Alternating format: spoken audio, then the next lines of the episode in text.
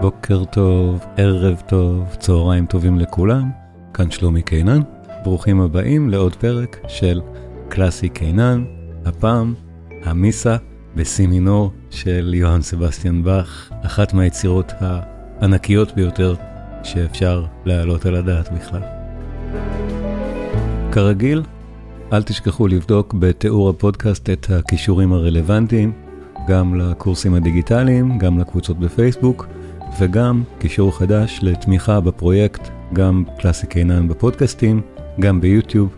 התמיכה שלכם מאוד מאוד מאוד עוזרת. אז בדקו את הכישורים, היכנסו אליהם, אפשר גם לכתוב לי שם כמה מילים, והמשיכו לעזור לפעילות הערוץ והתכנים הנפלאים האלה. באך, המיסה בסי מינור, בואו נתחיל. אנחנו היום בבאך, במיסה, בסי מינור. המיסה בסי מינור, אני חושב, לצד המטאוס פסיון, אלה שתי היצירות הקוראליות שנחשבות הגדולות ביותר של באך. אפשר גם באופן מדיד להגיד, הן הכי גדולות מבחינת היקפן, זה בטוח. וההיקף של שתיהן הוא מפלצתי בהקשרים של הברוק, ההקשרים המיידיים האלה. זה חשוב גם בעניין של המיסה. זו יצירה של שעתיים או יותר. זו חיה מאוד משונה uh, בתקופה הזאת. אין שום קונסטלציה למיסה של שעתיים בברוק. לא משנה אם מדברים לטינית או גרמנית. בדרך כלל אומרים, באך הלחין את המיסה הזאת, שזה מאוד מוזר למה הוא מלחין מיסה בלטינית, זה, זה נכון. אין שום קונסטלציה לביצוע של מיסה בלטינית בסביבה שלו בלייפציג, ודאי שלא. אבל למה שעתיים? למה יצירה כל כך גדולה? נגיד במקרה של המטוס פסיון, היצירה השנייה הענקית, בוא נגיד בהיקפה. לא רק מטעמי איכות, אלא גם מטעמי גודל, המטוס פסיון שיכולה להגיע לשלוש שעות, יש סוג של צידוק, נגיד ככה, מבחינת הנרטיב.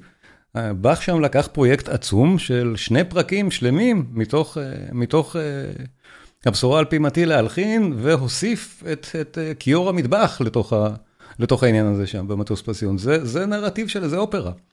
פה זו מיסה. באמת אין טקס כזה של כל כך ארוך. זו יצירה ענקית באמת של באך, ומדוע הוא הלחין אותה, אנחנו אולי נבין היום, אולי לא, כי אף אחד לא יודע למה באך הלחין את uh, המיסה, המיסה בסימינור. Uh, זו אחת היצירות האחרונות של באך הזקן, uh, כנראה בשנת חייו האחרונה, הוא השלים אותה כנראה ב-1749, 1750 זה השנה שבה הוא נפטר. באך כבר היה בשלבי התעברות, את הדברים האחרונים שהוא הלחין, הוא הקריא, ותלמידיו כתבו אותם, ולא ברור בדיוק, בתוך אותם השנה, שנתיים האלה, מתי בדיוק הוא הלחין ואת מה מתוך המיסה. כי היצירה הזאת היא מעניינת מאוד, מאוד מבחינה נוספת, שהיא בעצם אוסף של דברים. היא רובה ככולה, כמעט, בוא נגיד, פרט לקטע אחד, מבוססת בדרך זו או אחרת על דברים קודמים שבאך עצמו הלחין.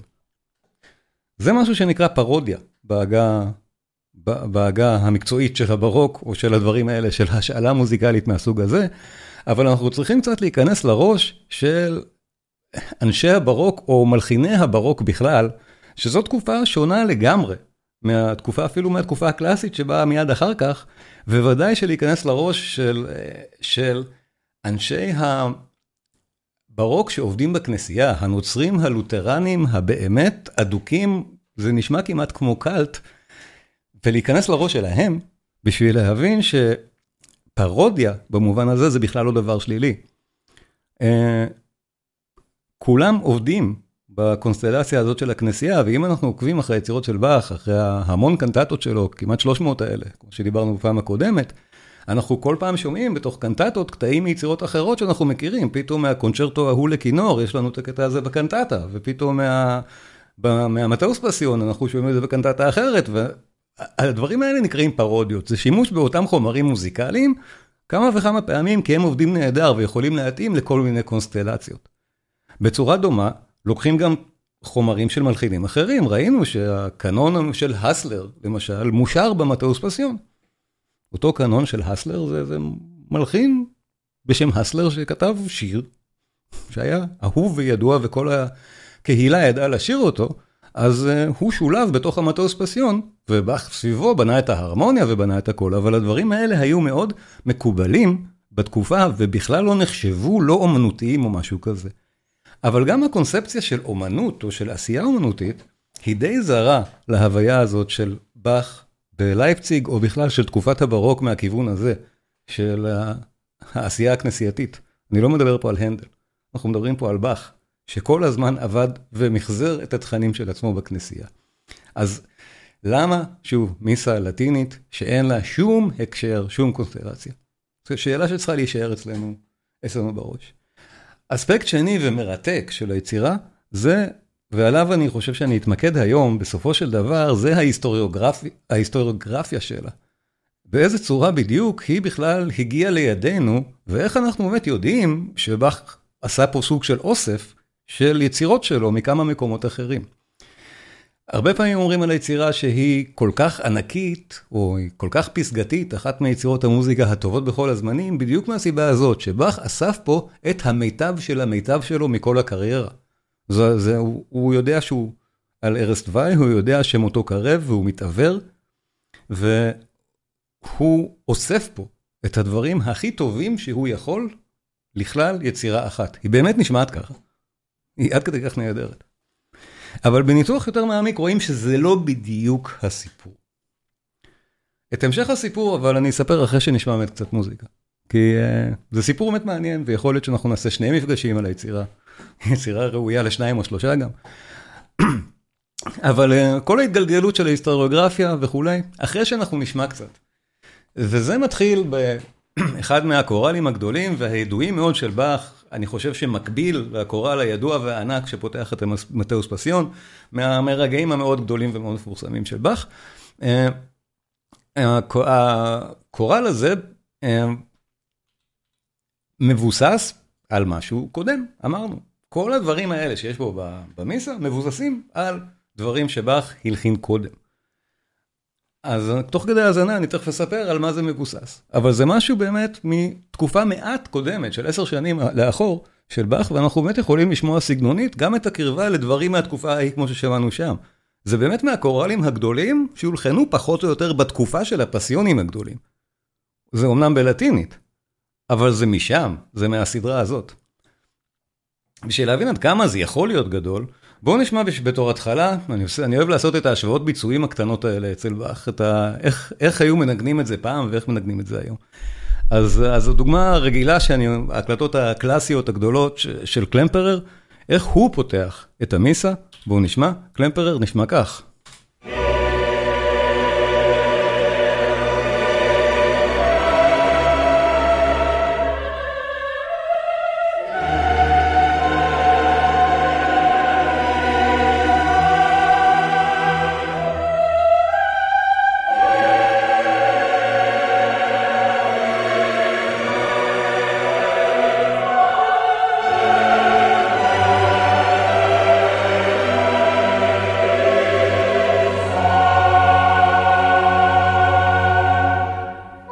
איזה גודל, נכון? זה עצום.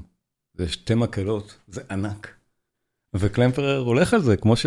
כמו שאהבו לבצע את הדברים האלה עד שנות ה-60, עד שבאמת התחילו, התחילו מחקרים מודרניים של באך, והיום מקובל לבצע את זה הרבה יותר קטן. אנחנו נאזין להקלטה מודרנית, זו של סוזוקי, אני אעשה אבל עוד השוואה תכף, כי שווה גם לשמוע את ההקלטות הישנות האלה. תשמעו אבל איך זה נשמע אחרת בהקלטה של מודעת לכלי התקופה, זו של סוזוקי שאותה נשמע היום.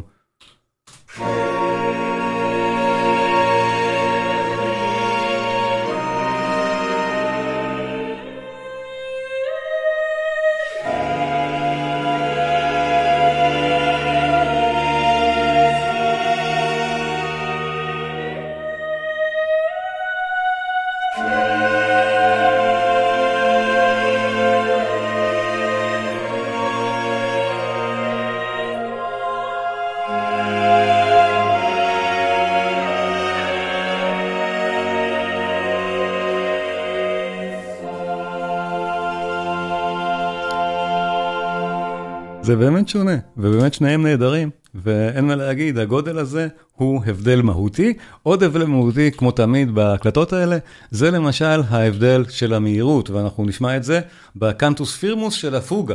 שוב, הלטינית הזאת שדיברתי כאן עכשיו, הנושא העיקרי של הפוגה, הפרק הזה הוא פוגה. אבל אפילו לא צריך להיכנס לעומקה של מהי פוגה. הפוגה זה רעיון חזרתי. דיברנו על זה כמה פעמים, ותכף נשמע את זה. קנטוס פירמוס, הנושא הראשי של הפוגה. זה בעצם המלודיה העיקרית של השיר. אבל מה, ש, מה שלא יהיה, אותו קנטוס פירמוס מנוגן כאן מאוד מאוד לאט יחסית למה שנשמע תכף, וקל יהיה לעקוב אחריו, והוא זה.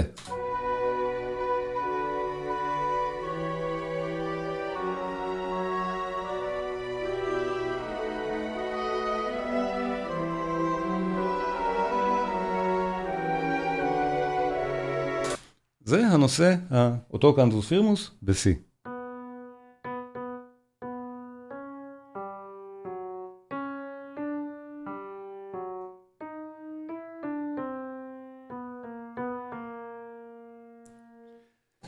שימו לב שזה היה לאט, וזה היה בסולם הנכון, זה C.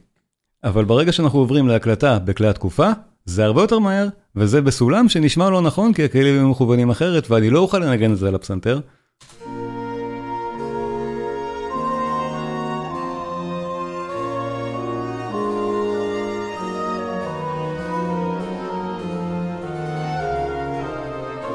אז זה תמיד פרט מעניין שצריך לשים אליו לב בהקלטות, בהקלטות חדשות, לעומת הקלטות ישנות עם כלי התקופה. אז ההשוואה הזאת היא כמובן מעניינת, אבל ה... הדבר שאני רוצה עכשיו לשים אליו לב זה באמת לאותו נושא של פוגה ומה קורה איתו.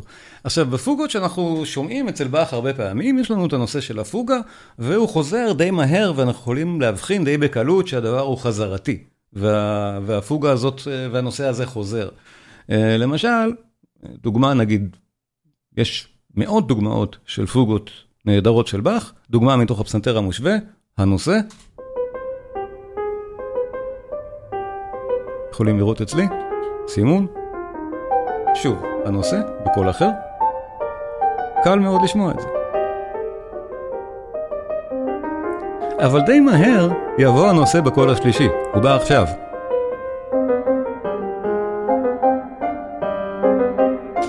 אז זה קרה במרווח זמן די סביר, שאפשר היה באמת להבין שהנושא השלישי הזה נכנס על השניים הקודמים. פה, באך מותח את זה לכלל פרק ארוך וקולוסלי, והדבר הענקי הזה פשוט חוזר המון פעמים בכל מיני צורות נהדרות ויפות, אז לא חייבים פשוט להבין שזה פוגה. אפשר להגיד שזה פשוט אותו ריטורנלו נהדר, שחוזר לנו כל פעם יותר יפה מהפעם הקודמת. שימו לב כמה פעמים זה חוזר, בתוך החצי הראשון של הפרק. אנחנו, אחרי הפתיחה הזאת ששמענו, תכף נשמע את הדבר כולו, זה מתחיל כאן.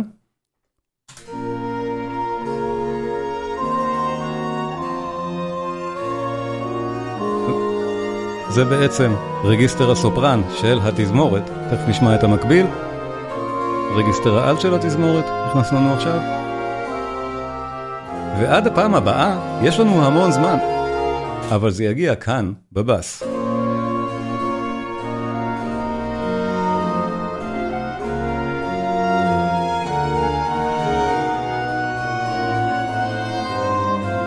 אנחנו כל הזמן שומעים שזו אותה מלודיה בכל מיני מקומות, ואז אנחנו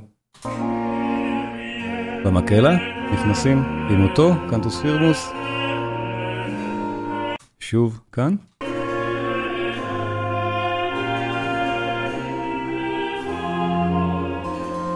שוב, נכנסים עכשיו הסופרנים, הקול השלישי.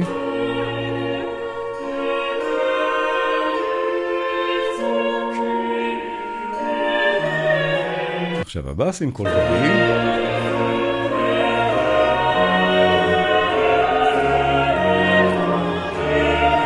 אולי מאוד ככה כך ירחיב על זה שיש פה חמישה קולות, גם משהו מעט חריג. נכנס לנו בעוד סולם מאוד מאוד זר לכל הסיפור. וכן הלאה. אז מה שכדאי לעקוב בפרק שנאזין לו, הפרק הבאמת נהדר שפותח את אותה מיסה, זה את החזרה של עניין של נושא הפוגה הנהדרת הזאת, שבאך כנראה באמת בחר את הדבר הזה בפינצטה, להיות המיסה הקתולית ענקית שלו. הפרק הפותח, המילים הן שתי מילים. אני אראה אותם. כמו בכל מיסה, תמיד אנחנו נתחיל בטקסט הזה. קריה אל היסוד.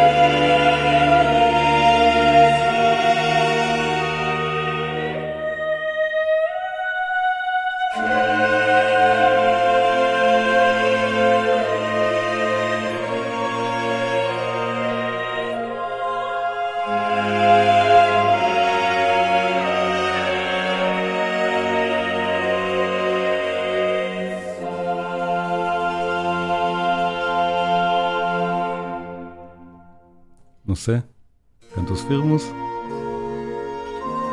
פעם ראשונה, בפוגה הראשונה, הפוגה התזמורתית בלבד. נכנס שוב, הקול השני, נכנס עכשיו, והרבה מאוד זמן אנחנו נסתובב עם שני הקולות האלה, עד שייכנס השלישי.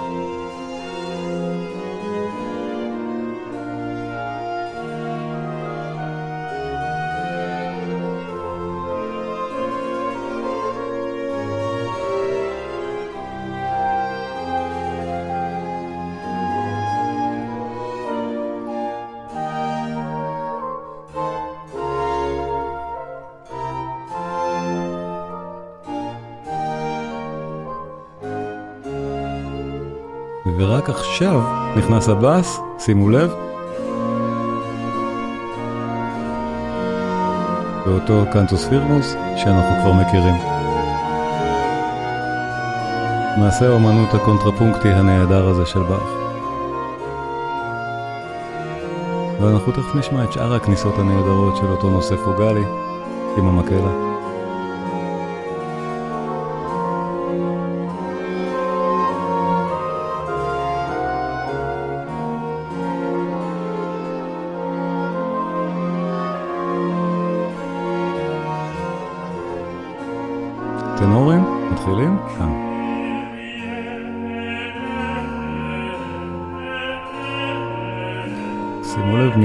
האלטים נכנסים בקול השני, ופדיאז, עכשיו.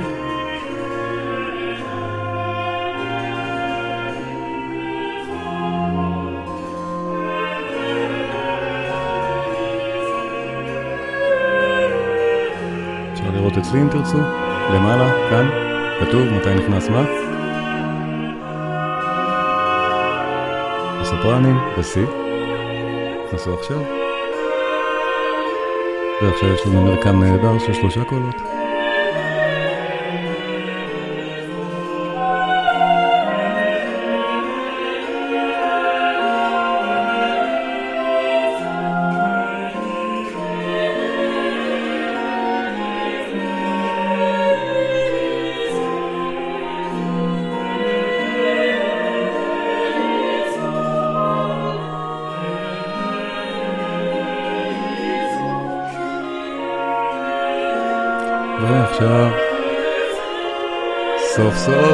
הגענו לבאסים.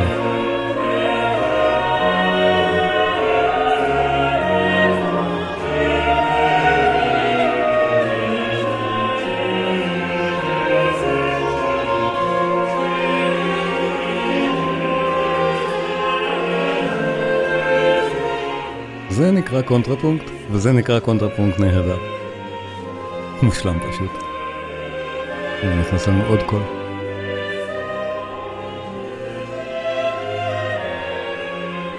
באך הלחין מיסה עבור uh, הנסיך הבוחר, אוגוסטוס החזק, מלך פולין. שהוא המיר את דתו לקתוליות די הרבה שנים לפני כן. רצה הגורל ואותו מלך מת, ויורשו אוגוסטוס השלישי, גם עבורו באך הלחין עוד חצי של מיסה.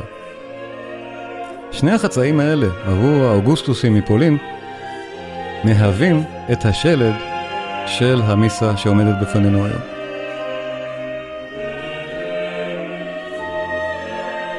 אז השלד בעצם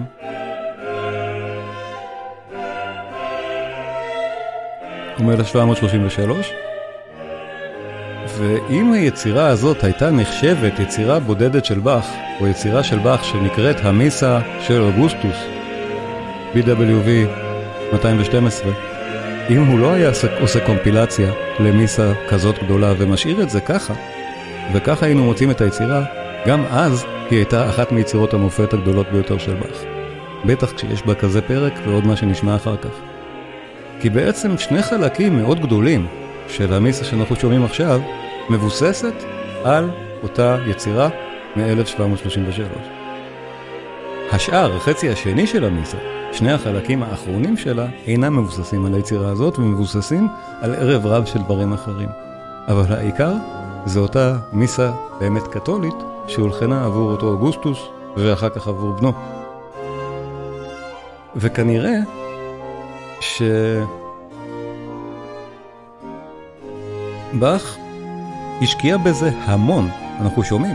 זאת יצירת מופת ענקית, גם הייתה נותרת רק אותה, אותם שני חלקים, שאנחנו תכף נשמע, של הקיריה ואחר כך. אז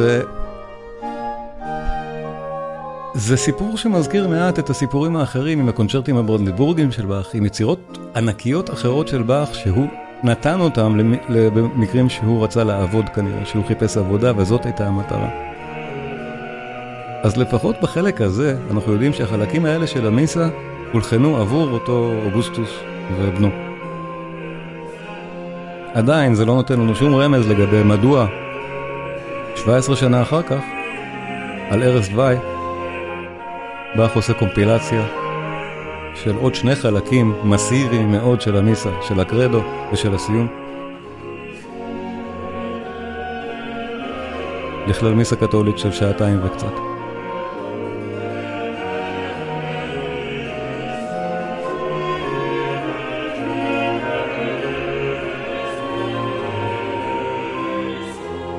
אנחנו שומעים שהמוזיקה עדיין לכל האורך היא פוגה נפלאה על אותו קנטוס פירמוס נהדר, וכל חמשת הקולות שמככבים כאן זה כל כך יפה.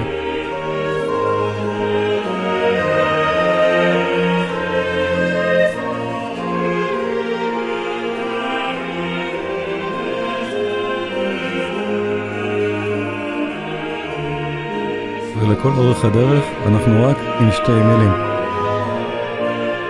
באנגלית זה יותר, אבל בלטינית, קיר לסן.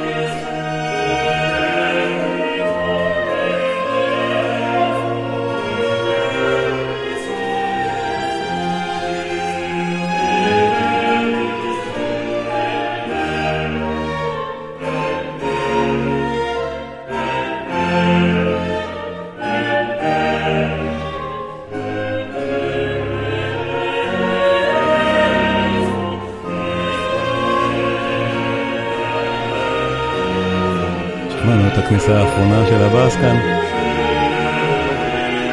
חזקה הזאת, וואו.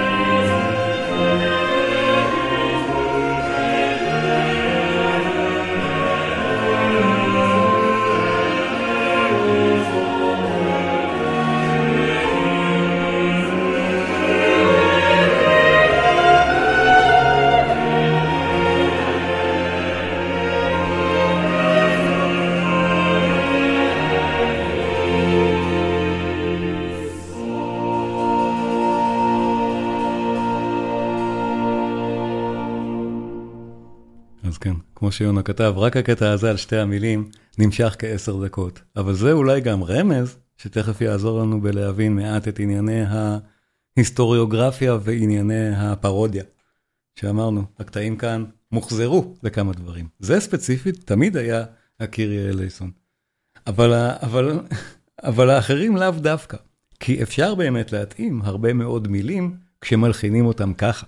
כשבאמת זה, זה נעשה בצורה כזאת, וחלק מהעניין שקרה עם היצירה, ולכן אנחנו יודעים עליה באמת הרבה, זה בגלל אותו עותק שנותר בדרזדן, של שני החלקים האלה של היצירה, של הקיריה ואחר כך של הגלוריה. זה שני החלקים הראשונים של היצירה. היצירה מורכבת מארבעה חלקים, או מארבעה גושים עיקריים. אז שני הגושים האלה באו משם. ונשאר עותק, עותק של באך, בכתב ידו של באך, נשאר שם, בדרזדן, ויש אותו. אנחנו יכולים לדעת איך זה היה כתוב בגרסת דרזדן המוקדמת.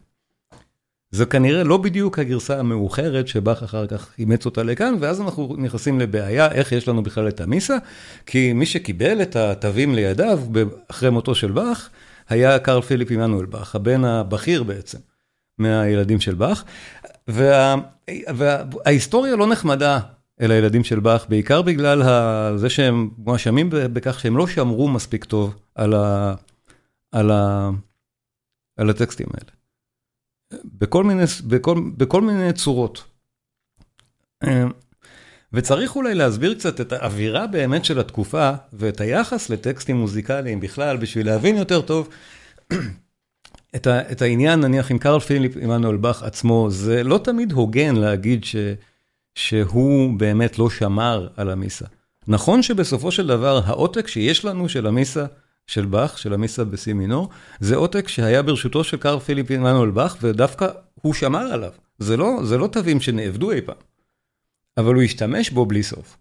מה זאת אומרת השתמש בו? הוא לקח מהמוזיקה הזאת חלקים, הוא עשה בעצמו פרודיות, בדיוק כמו שאבא שלו עשה. לקח מהמוזיקה הזאת חלקים והשתמש בה בעצמו לדברים שהוא היה צריך. העלה את זה לבמה כמה פעמים, באיפה שהוא עבד, בכמה מקומות, ועשה תיקונים על הטקסט, על המילים של באך. פשוט על האורטקסט של באך עצמו, יש את התיקונים של קארל פיליפ עמנואל באך, בכל מיני סוגים של גרסאות ותוספות ודברים, אבל זה היה דבר מקובל לעשות בזמנו. פשוט מחזרו מוזיקה כל הזמן. הגרסה נניח שהיידן כנראה הכיר של המיסה, הייתה הגרסה של קארל פיליפ עמנואל באך עם התיקונים שלו. לנו זה לא כל כך משנה איזה גרסה אנחנו נשמע בסוף, האם קארל פיליפ עמנואל באך תיקן אותה או לא. אבל, אבל הנקודה החשובה היא שבאמת התייחסו אז באופן שונה מאוד למורשת מוזיקלית מהסוג הזה. וזה אולי גם מסביר מדוע באך בעצמו בכלל טרח לעשות את היצירת מופת, אחת מהגדולות שלו, המיסה בסי מינור, בלי שום סיבה. שום סיבה נראית לעין.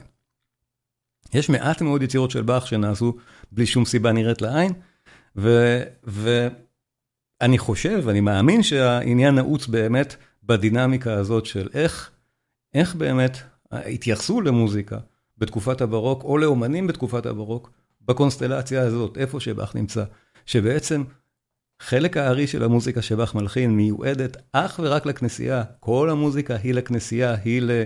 היא מוזיקה קדושה שהם משתמשים בה שם ועובדים איתה וממחזרים אותה, והוא בעצמו מחזר מוזיקה מכל הסביבה, בלי בושה בכלל ובלי למצמץ, כי זה מה שעושים. איך משמרים משהו?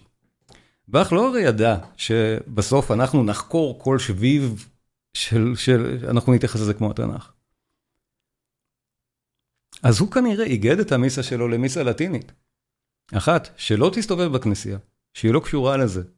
וזה, ו, וזה משהו קטלוגי, שבאך כנראה בסוף חייו רצה לעשות, ואני עוד ארחיב בנושא הזה אחרי ששוב אנחנו נגוון בקצת מוזיקה, אני יודע שהדיון הוא מעניין, אבל המוזיקה לא פחות. בואו נשמע, החלק השני של המיסה, שעדיין לקוח מאותו מקור, בעצם מאותה מיסה מעשור או קצת יותר לפני כן,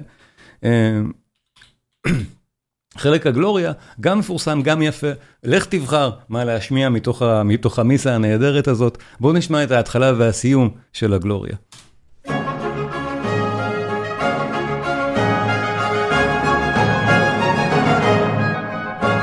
אלה המילים. גם. אין לנו כמעט מילים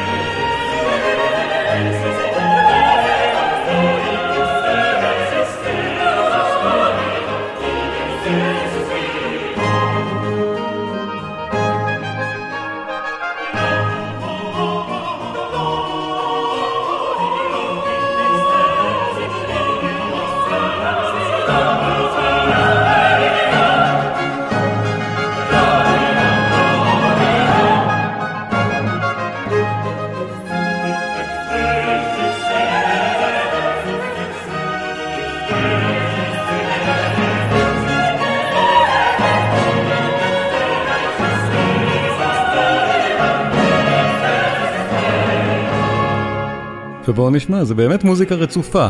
זה ממשיך מיד לתוך החלק הבא, לתוך ה number הבא, בתוך חלק הגלוריה. אני אעצור כאן, אנחנו באמת, אני מאוד ממליץ לכולם לשמוע את הכל בבית, אבל אנחנו צריכים להתקדם ולשמוע עוד קצת, ובטח אנחנו נעשה עוד הרצאה על המיסה, לא נספיק את הכל היום, אבל אה, חשוב לציין שהמיסה מסתיימת, כבר נקדים את המאוחר, אה, בכך שהמיסה מסתיימת ב... חלק שהוא מכאן, שהוא מהגלוריה. פשוט לתייק את זה איפשהו, כי תהיה משמעות טקסטואלית כשנגיע באמת לסוף, שחלק מכאן מצוטט, אבל הגלוריה מסתיימת באמת באותה אווירה שבה, שבה היא התחילה, האווירה הנהדרת הזאת של באך, ובמוזיקה הזאת שאנחנו שומעים עכשיו אפשר להבין גם עד כמה היצירה קשה לביצוע עד היום, והייתה גם קשה אז. יצירה מאוד מאוד מאתגרת. שכתובה לשתי מקהלות, שהרמוניה בחמישה ובשישה קולות, דברים באמת מאוד מאוד קשים.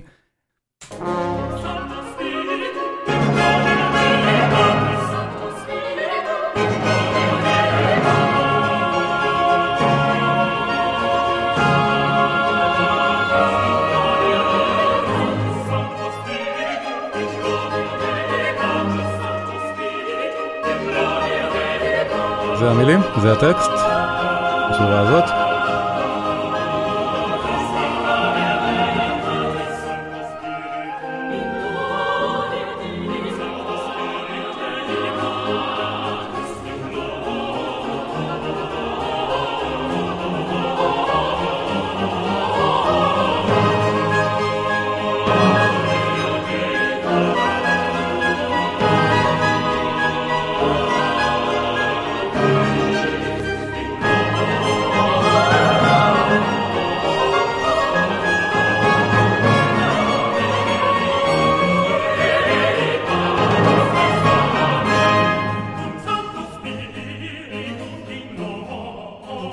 ובאמת היצירה, בסופו של דבר באמת בוצעה במלואה רק באמצע המאה ה-19.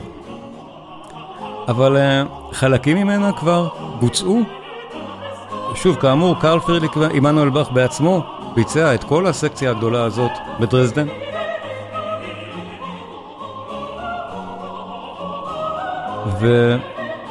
וחלקים אחרים מהמיסה כבר בוצעו בנפרד אנחנו עוד נשמע, החלקים האחרים שולחנו בנפרד.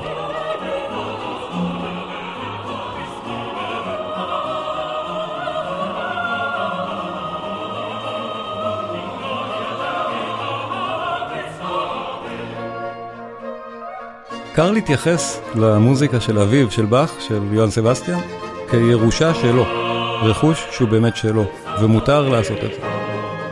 יש דוגמה מאוד ידועה על באך עצמו, באך הילד, אנקדוטה מפורסמת שמספרת על איך הוא בגיל 11, כשהוא גר אצל אחיו, אחרי שהוריו, באך כידוע התייתם משני הוריו, אחיו גדל אצל אחיו בגיל 11, וכל המשפחה הייתה משפחה של מוזיקאים, של uh, כולם, כל משפחת באך. כולם ידעו מוזיקה מהרגע שידעו לכתוב.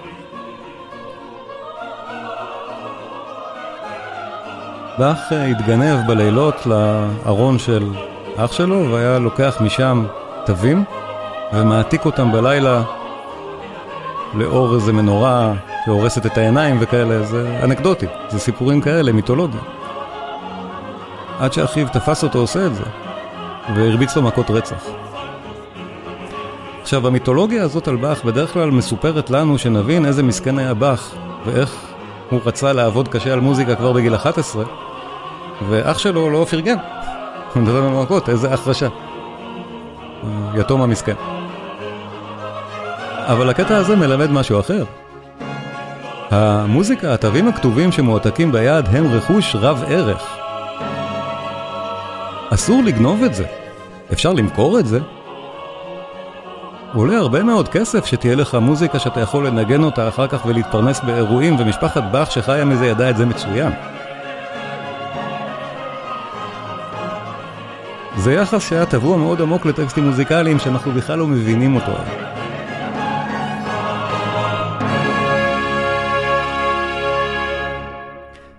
אז uh, כשקארל באמת השתמש, לא רק בחלקים מהמיסה הזאת, אלא גם בהרבה uh, מאוד מהרפרטואר של יוהאן, של יוהאן סבסטיאן באך, השתמש בו לשימושו האישי בקנטטות למשל שהוא היה צריך להלחין. ואחר כך ביצירות אחרות, זה היה לגמרי בסדר, לגמרי מקובל. לא ניסו להסתיר פה כלום או לעוות פה כלום. אבל התוצאה היא באמת שקארל אה, ניסה גם לתקן למשל את כתב ידו של באך, שלא היה ממש כבר ברור בשלב הזה, בעותק שיש לנו של האורטקסט המקורי של באך. אז יש, לו, יש הרבה מאוד תיקונים של קארל פיליפ עמנואל באך, כותב על הטקסט של באך. יש למשל דוגמאות מפורסמות של הדף הזה, שאני אראה אחת מהן. של אחד מהדפים שבהם באך uh, כותב למעלה, uh, Jesus help, באך כבר על ערש דווי מתעוור, וכאן מצד ימין JJ, Jesus help, וכתב היד של באך כבר באמת מי שמנתח אותו, אני למשל מכיר את, ה, מכיר את המחקר של uh, כריסטוף וולף, כשכתב היד של באך פה כבר מאוד, כבר לא כל כך מסודר ודומה לכתב היד שלו לפני כן. קארל היה צריך לתקן פה דברים בשביל שהכתב בכלל יהיה מובן. מעבר לזה, קארל גם uh, תיקן פה דברים והוסיף כלי נגינה והחליף לאבוב, נגיד מודרני, במקום האבוב דיאמורה של הברוק, כל מיני דברים מהסוג הזה, והוסיף קלרניטות בחלקים מסוימים, ועשה כל מיני עניינים שמתאימים בשביל, למשל, הקונצרט שלו בדרזדן. כל הדברים האלה בשביל להבין את רוח הברוק ולהבין איך באך עושה יצירת מופת כל כך גדולה, שכולה בעצם לא מקורית במובן הרגיל של המילה, נניח במושגים מוצרטים או בטובניים.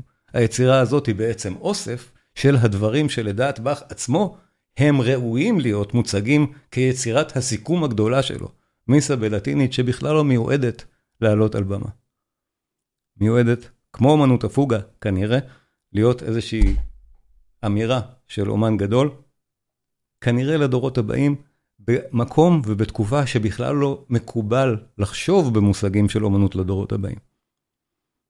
אבל באך לא חשב שהקנטטות דווקא שלו, שקבורות בתוך הכנסייה, יזכו אי פעם לאיזשהו שימוש מחוץ לכנסייה.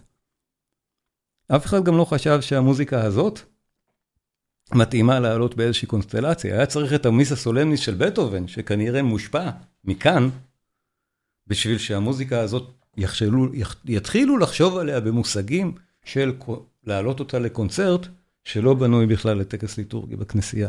אבל זה אנחנו מדברים על מאה שנה אחרי. בינתיים, החלק הבא, הקרדו, זה באמת מורכב מחלקים אחרים, לא מאותו, לא מאותה מיסה של, של אוגוסטוס, ש, של הנסיך, אבל החלקים פה גם, אפשר להתחקות אחריהם. מה שהכי מדהים בכל החלק הזה, זה כמה טוב הוא עובד ביחד. אפשר להתחיל להתחקות אחרי זה בא מכאן וההוא בא מפה וזה מהקנטטה הזאת וזה מהדבר הזה וזה מאוד נחמד ומספק, אבל זה לא נותן יותר מדי כי הדבר פשוט נשמע מדהים בזכות עצמו ובאך פה באמת כנראה טרח ואסף במקרה הזה, בחלקים האלה, את הדברים הכי טובים שהוא יכול היה למצוא בשביל לתת אותם כאן מתוך הרפרטואר המאוד מאוד עשיר שכבר יש לו בתקופה הזאת.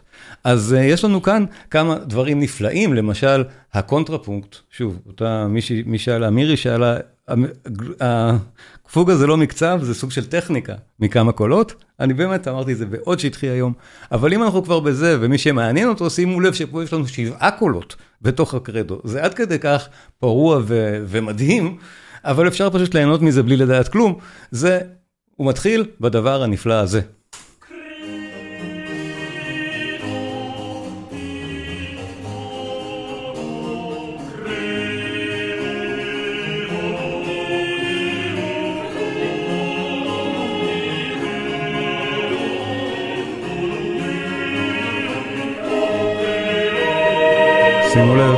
המרקם הזה של הקולות, אחד על השני, על השלישי, הרביעי, ואז עם התזמורת והחמישי והשישי והשביעי.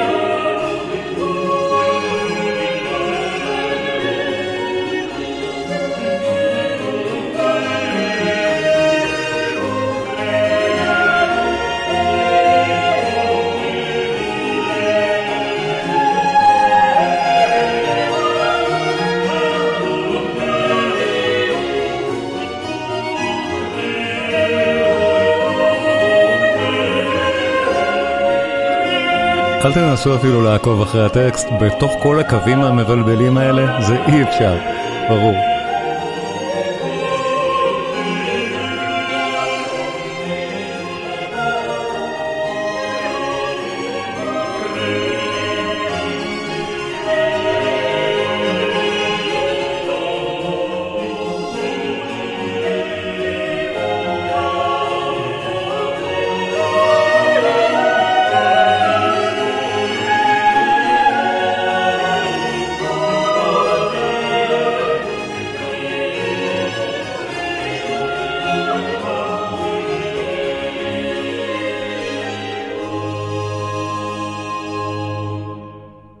והסקציה הזאת של הקרדו, שגם מורכבת מתשעה קטעים שונים, כמו הסקציה שקדמה, גם הייתה מורכבת מתשעה קטעים שונים, אז uh, כאן במקרה הזה תשעת הקטעים השונים הם באים במקומות שונים. בסקציה הקודמת ששמענו, בגלוריה, לא, זה בא מאותו מקום ברצף, אבל כאן באך באמת השכיל לעשות את זה נהדר, ובאופן מאוד מעניין, לפי כריסטוף וולף לפחות, אחד מהחוקרים, או אני חושב חוקר הבאך, באך המוערך ביותר בעולם היום, המחקר שלו באמת מאיר עיניים, לדעתו, הקומפוזיציה האחרונה, לפחות המשמעותית של באך בחייו, היא אה, הקטע הזה, מתוך הקרדו, הקטע השלישי, הקטע הרביעי בתוכו, בו נשמע כנראה הקומפוזיציה האחרונה של באך בחייו, ואם זה נכון, מאוד מעניין שמה שצמוד אליו, זה הקטע הקומפוזיציה הכי מוקדם בתוך המיסה, מ-1714. זאת אומרת, באך פה כנראה באופן מודע, שם את הדבר האחרון מול הדבר המוקדם. שוב, לא הדבר הראשון שהוא עשה, אבל הקטע המוקדם ביותר שמוכלל במיסה, הוא אחד ליד השני, שני הקטעים האלה. בואו נשמע.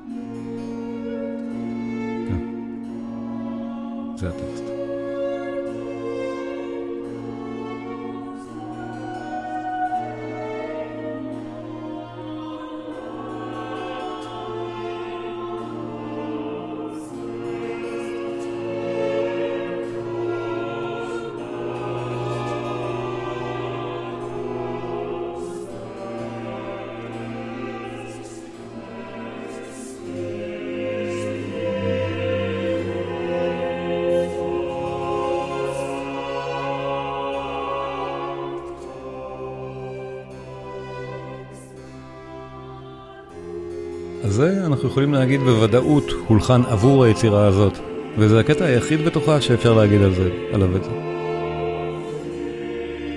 וזה קורע הלב כמה סעיפים.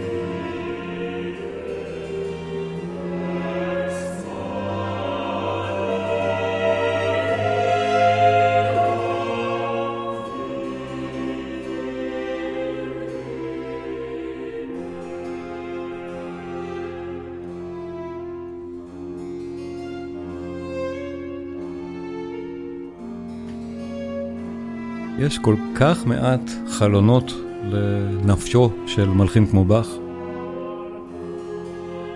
שאנחנו לא יודעים עליו כלום. אז זה שזה הדבר האחרון שהוא הלחין, הקטע הזה, זה סוג של חלום, יחד עם אלוהים עזור, מהפרק מה... utoks, tako da.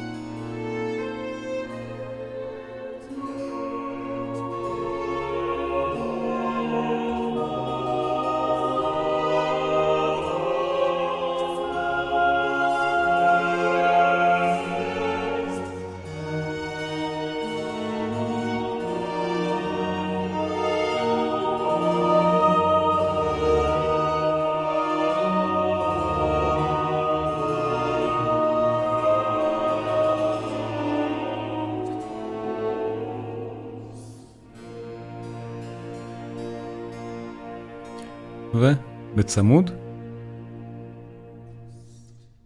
הקורל הבא, שזה הקטע הכי מוקדם של באך, זה הקטע מ-1714, וזה צמוד לקודם.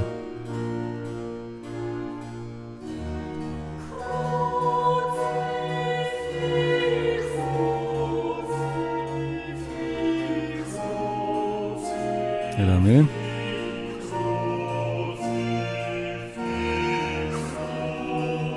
אנחנו שמים לב שבמיסה אין לנו רציטטיבים למשל. זה לא יצירה, זה לא כמו הפסיונים והאריות והקנטטות. יש לנו פה רק אריות וקורסים. אין לנו פה קוראלים קטנים שמיועדים לשירה של הקהילה. יצירה הרבה יותר מסוגננת במובן הזה, או עם התכווננות הרבה יותר מוזיקלית נטו.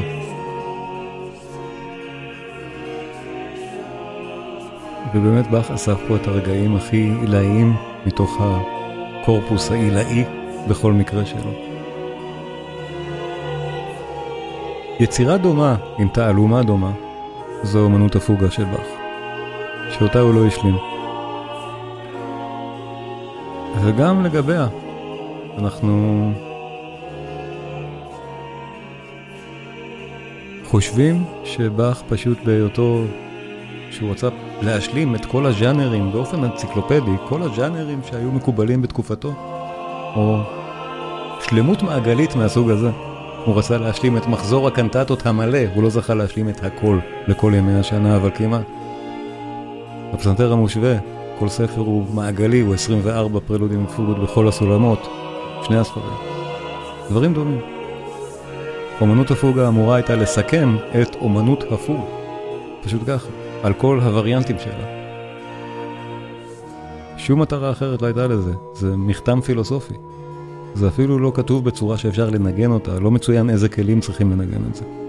זה פשוט כתוב בתור תווים באוויר. המיסה הזאת יותר ספציפית, כתוב מי צריך לשיר אותה.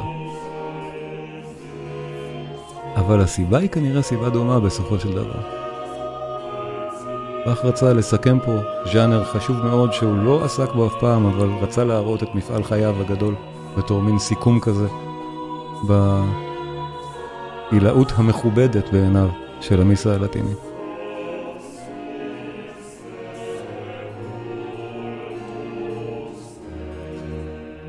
אז כמו שכבר אמרנו, גם דיברתי עם יונה על זה בהתחלה, אין סיכוי להכניס היום את המיסה הזאת במלואה, והזמן קצר שנהנים. אני מודה שאני בעצמי תכננתי להעביר בערך פי שלוש מוזיקה היום ממה, ש... ממה שיצא לי, ואי אפשר בלי, ואני מבטיח נעשה פשוט עוד מפגש של המיסה על עוד חלקים נהדרים מתוכה, כי יש עוד המון מה להגיד, אבל אי אפשר לסיים כזה ערב בלי האגנוס דיי. אה, לפני זה אמרו, זה הזכיר את הלקרימוזה של מוצרט. אנחנו נדבר בפעם הבאה באמת על מוצרט, היידן, בטהובן והמיסה הזאת. שלושת, חבורת המעריצים הגדולה של באך, איך הם מתייחסים ליצירה, אם בכלל. זה מאוד מעניין, והלקרימוזה ודאי, ש, ודאי שקשורה לדיון הזה איכשהו. אה, איך נקרא הקורל הרביעי האחרון? אני מתנצל, לא ראיתי את זה בזמן אמיתי, אני לא יודע למה את מתייחסת מירי. אה, אחרי זה, אחרי זה נראה. אבל יונה, רצית להגיד משהו על האגנוס דיי, נכון? כן. כן. Uh, כאמור, כל מיסה קתולית מסתיימת בקטע אגנוס דיי. Uh, דרך אגב, כתוב אגנוס, בלטינית מבטאים את זה באמת אגנוס קשה, באיטלקית אניוס, וכשתלכו לקונצרטים, הרבה פעמים תשמעו זמר אחד אומר כך, זמר אומר ככה, הכל בסדר. עכשיו הקטע הזה הוא תפילה לקראת הסוף, המילים הם גם כן, כמו שראינו בכל הקטעים, שתיים שלוש מילים וחוזרים עליהם. נכון, אני אציג אותם. אניוס, כן, המילים הם Agnus Dei, qui tollis peccata mundi, miserere nobis, בלטינית, שה אה, אלוהים שלקח את כל חטאי העולם, הוא הקריב את עצמו, אה, miserere nobis, רחם נא, רחם עלינו. ו... וחייבים מה... להגיד שבכל המיסות זה תמיד אותם הטקסטים בחלקים האלה שלהם. לא באמצע, לא בקרדו ששמענו, אבל החלקים האלה לא, זה לא, תמיד בסוף, זה. בסוף, כן, בסוף. פה זה תמיד אותו טקסט. דרך אגב, גם ברקביים הם גם כן. כי הרקביים זה מיסה, זה מיסת הרקביים. זה ספציפי. רק שברקביים יש קטע נוסף, לי ברמה. נכון. שחרר נכון, אותי נכון. למות. עכשיו, מה התרגשתי מהקטע הזה, אגנוס דיי, כמו שאמרתי, כשרבי נרצח, חודש שלם ניגנו לפני החדשות שלוש ארבע דקות את הקטע הזה, רק המוזיקה. ולי זה אמר משהו, לא יודע אם זה אמר לכולם. הכוונה כאילו, אני לא מכניס פוליטיקה, אבל כאילו רבין נרצח ולקח איתו את החטאים שלנו. יש בזה הרבה מאוד סמליות, נכון. יכול להיות שזו גם הייתה כוונת המשורר שניגנו את זה. יכול להיות, הם לא אמרו והם לא דיברתי איתם, אבל כל, כל יום שמעת את הקטע הזה היה כזה עצוב, אם תשמיע אותו, אז נראה כמה שהוא באמת קורע לב. נכון, כזה. אנחנו נשמע את זה, זה אחד משיאי היצירה, נכון, אחד מהקטעים שהם באמת הכי מחכים להם, אגנוס דיי, באמת אנחנו, קטע אחד לפני הסוף, בואו נשמע.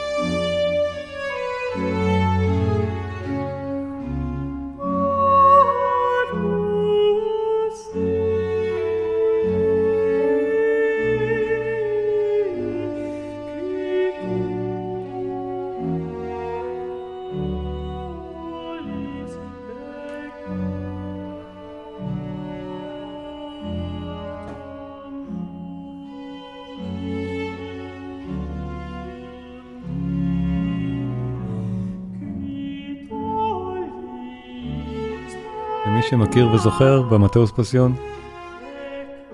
ערבר מדיח בנויה דומה, עם האובליגטו של כינורות על השירה.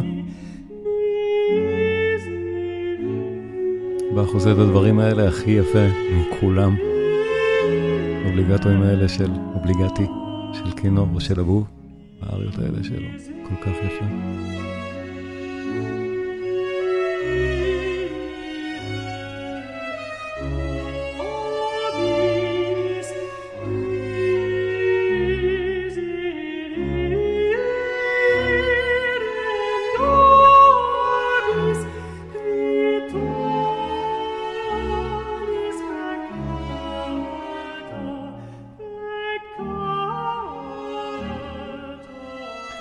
נורית שואלת מי שר, אני אראה את ה... אני לא זוכר מי הקאסט של סוזוקי ב...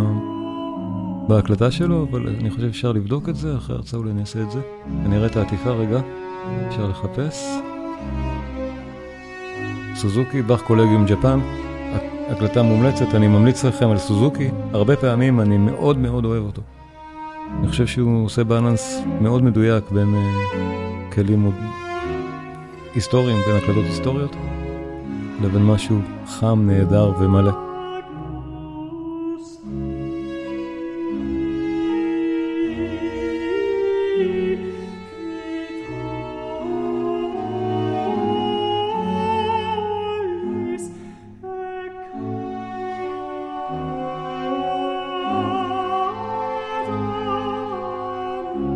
גם במקרה של האריה הזאת, יש מקום שאנחנו יודעים שזה לקוח ממנה, את הקנטטה, ה... את ה... הקטע המקורי שזה הולחן בו על ידי באך, אנחנו לא בטוחים מהו, אבל אנחנו מכירים גרסה עליו באחת מהקנטטות האחרות. עד, עד כדי כך המחקרים האלה מנסים להתעמק באיך באך בנה ומאיפה את היצירת מופת הזאת. אבל שוב, צריך לציין שבנגינה רציפה שלה אין שום מעשה טלאים שניכר לאוזן. זה קוהרנטי לחלוטין. שוב, למרות שאפשר בדיון מעמיק לגלות שלא תמיד זה מתוזמר זהה, חלקים בתוך היצירה, או חלקים לחמישה קולות או לשישה קולות, שבדרך כלל אצל באך אין אותם באותה יצירה, או חמישה או שישה. אבל זה נשמע כמכלול קוהרנטי נהדר. מעשה התפירה הזה, המחקרי שאנחנו עושים עליו לאחור, ובעצם יודעים על זה מטבע בריאתה של היצירה, לא משנה להיותה פשוט מושלמת כמו שהיא. אחרי הכל באך הוא המאסטר הכי גדול בעולם, אז גם את זה ידע לעשות.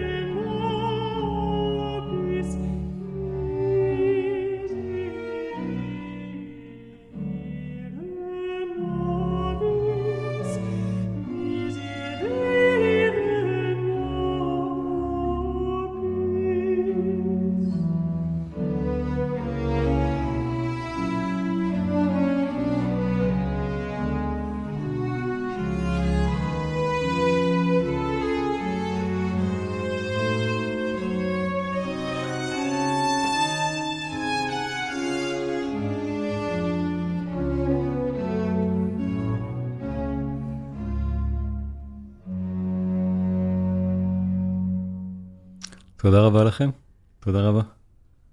לפני שנפרדים, תנו לי לספר לכם על הקורסים הדיגיטליים שנמצאים כבר ברשת. קלאסי קינן, הקורסים הדיגיטליים של שלומי קינן.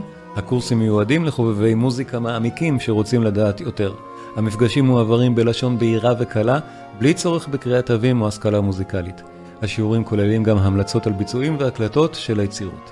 בכל קורס יש שיעור פתוח אחד לצפייה ללא תשלום, מה שאומר שזה שווה אפילו אם אתם לא רוצים לשלם עליהם, יהיה לכם שם תוכן לראות בחינם.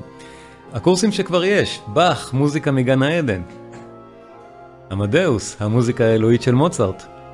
מבוא למוזיקה של ריכרד וגנר. בטהובן, העוצמה והיופי. וחדש, מאלר, המשורר הסימפוני. כל אחד מהקורסים האלה יותר מ-15 שעות, וכל הזמן מתווסף גם עוד חומר. הקורסים עצמם דינמיים, ואני מוסיף להם הרצאות נוספות ככל שאני בעצמי עורך אותם, אז זה כל הזמן גם משתפר ומשתדרג. מי שמעוניין לבדוק, הקישור נמצא בתיאור של הסרטון בו אתם צופים עכשיו. אני מזכיר לעשות subscribe, לעשות לייק ואנחנו נשתמע בפעם הבאה.